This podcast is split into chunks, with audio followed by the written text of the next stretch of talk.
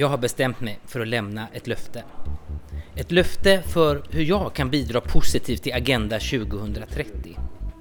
Jag har tänkt, visst skulle jag kunna göra ett löfte som kopplar till min livssituation, men så tänker jag att det också finns större arenor som jag skulle kunna koppla mitt löfte till och därmed få större påverkan. Så jag har mitt eget liv där jag kan göra saker, till exempel äta mindre kött eller bli vegetarian. Jag har familjen och på den arenan skulle jag kunna påverka vilken bil vi har.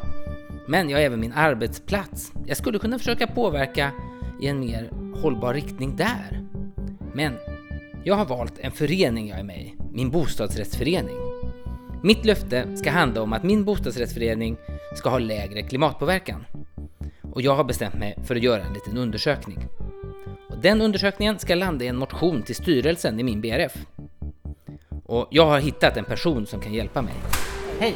Jag ska träffa Ulf Wikström. Ah, tack. Ulf Wikström tänker jag borde kunna ge mig mer kött på benen. Jag är hållbarhetschef på Fortum Värme. Så jag jobbar med alla frågor som kopplar till det här breda begreppet hållbarhet. Det är klassiska miljöfrågor som handlar om klimat och utsläpp men det är också frågor om hur vi tar ansvar i samhället som företag, både socialt och etiskt ansvar. Fortum Värme, bolaget som levererar värme till vårt hus, har sitt kontor i Värtahamnen. Mitt löfte ska handla om att min bostadsrättsförening ska göra mindre klimatpåverkan. Min första tanke är att vi ska bli självförsörjande på el och värme. Att vi ska bli en enhet där vi via solen och kanske vinden kan gå off the grid. Är det rätt val? Ja, det är ingen lätt fråga att svara på sådär lätt och snabbt. Eh, men det är ganska spännande att du ger uttryck för den där känslan off the grid och, och också att det händer så mycket, det kommer så mycket nyheter. För vi är ju just nu inne i en sån era av att det kommer väldigt mycket ny teknik och teknik utvecklas väldigt fort. Eh, och allt det här drivs ju i botten av hotet om en allt varmare planet som kommer att ställa till det för oss. Och det här har ju satt fart på alla branscher. Sol, vind, vatten, men även fjärrvärmebranschen är ju under en våldsam utveckling. Eh, inte minst i Sverige där ju fossila bränslena snart är borta.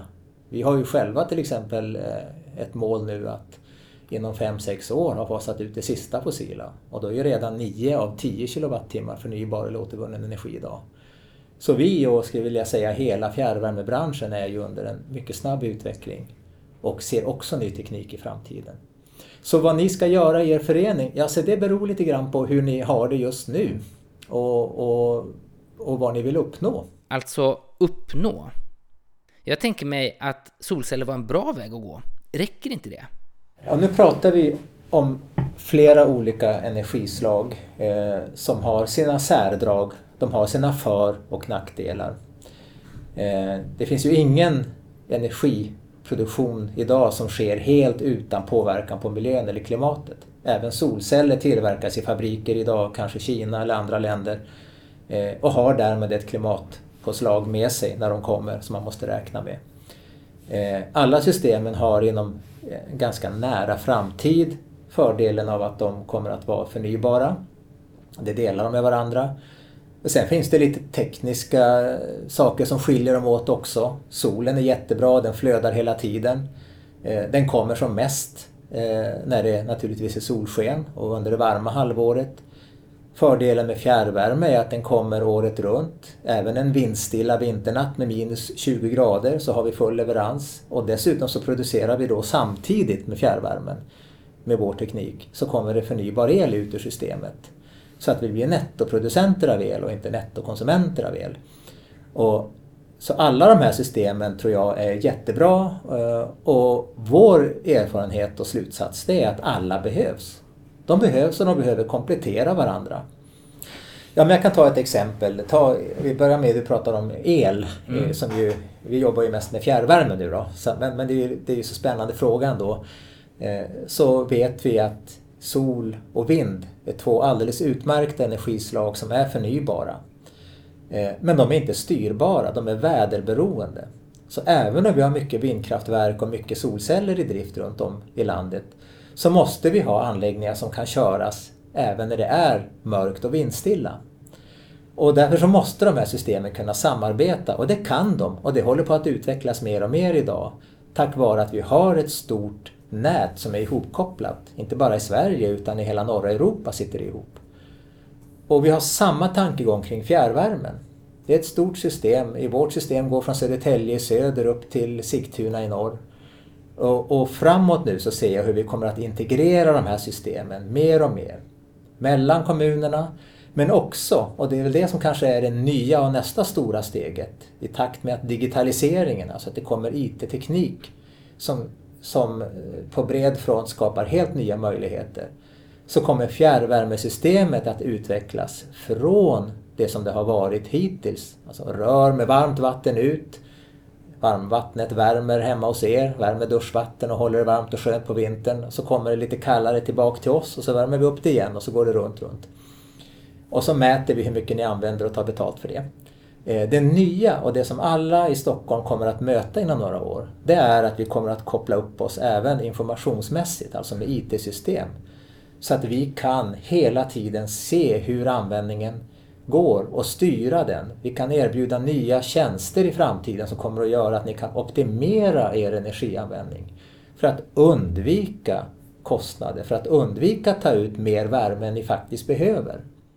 Värme och el är ju ett sätt att minska vår förenings påverkan på klimat och miljö. Men är det verkligen där som det spelar störst roll?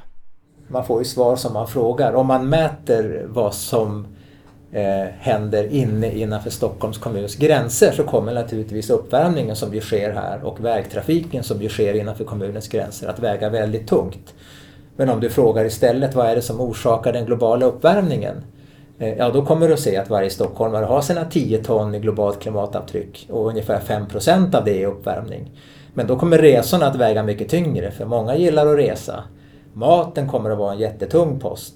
Eh, man pratar ju mycket om köttet till exempel och det finns ett gammalt uttryck inom, inom det här området, bilen, biffen och bostaden, alltså de tre benen mm. Eh, som ju genererar mycket av vårt globala klimatavtryck. Så att om man vill göra någonting för att minska klimatpåverkan, eh, förutom att jobba med, med, som du är inne på nu, med din bostadsrättsförening, då bör man nog också tänka lite bredare.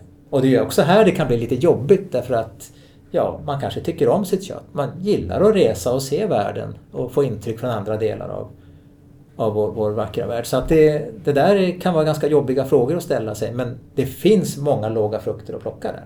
Om man tittar på den energiöversikt som Stockholms stad har gjort av lokala utsläpp, då ser man att uppvärmning står för den största påverkan följt av transporter och sedan biltrafiken. Kommer minskningen av fossilbränsleanvändning inom uppvärmning att lösa problemet? Det som är roligt med detta är ju att ekonomi och miljö går hand i hand här.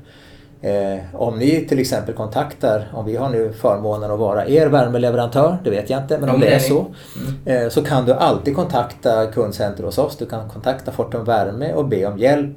Vi kan förmedla eller själva titta på hur er energianvändning ser ut. Och vi kan hjälpa er att analysera, har ni någon potential att bli bättre? Skulle ni kunna kapa någonting? Kan ni justera in de befintliga systemen ni redan har? Och redan där få snabba, sköna vinster. Eh, så tycker jag alltid att man ska börja med det. Sen, när man har gjort alla de här enkla sakerna, då är det kanske dags att fundera på vad skulle nästa steg kunna vara? Ja, vad är egentligen nästa steg? Jag åkte till Fortum Värme med en ganska tydlig bild av vad jag trodde skulle behöva göras. Men det här fick mig att fundera några varv till. När jag klurat klart kommer jag i alla fall att avlägga det som ett löfte på www.minnen.se. Minnen.se drivs av Nordiska museet och de kommer spara alla löften i en tidskapsel som öppnas år 2030. De kommer försöka få tag på oss som har avlagt löften så att vi kan se tillbaks på 2017 och minnas hur vi tänkte då. Vi hoppas att du med den här podden har hittat vägledning till hur du kan bidra till att uppnå målen i Agenda 2030. Läs mer om festivalen The Stockholm Act på www.stockholmact.se. Tack för att du har lyssnat!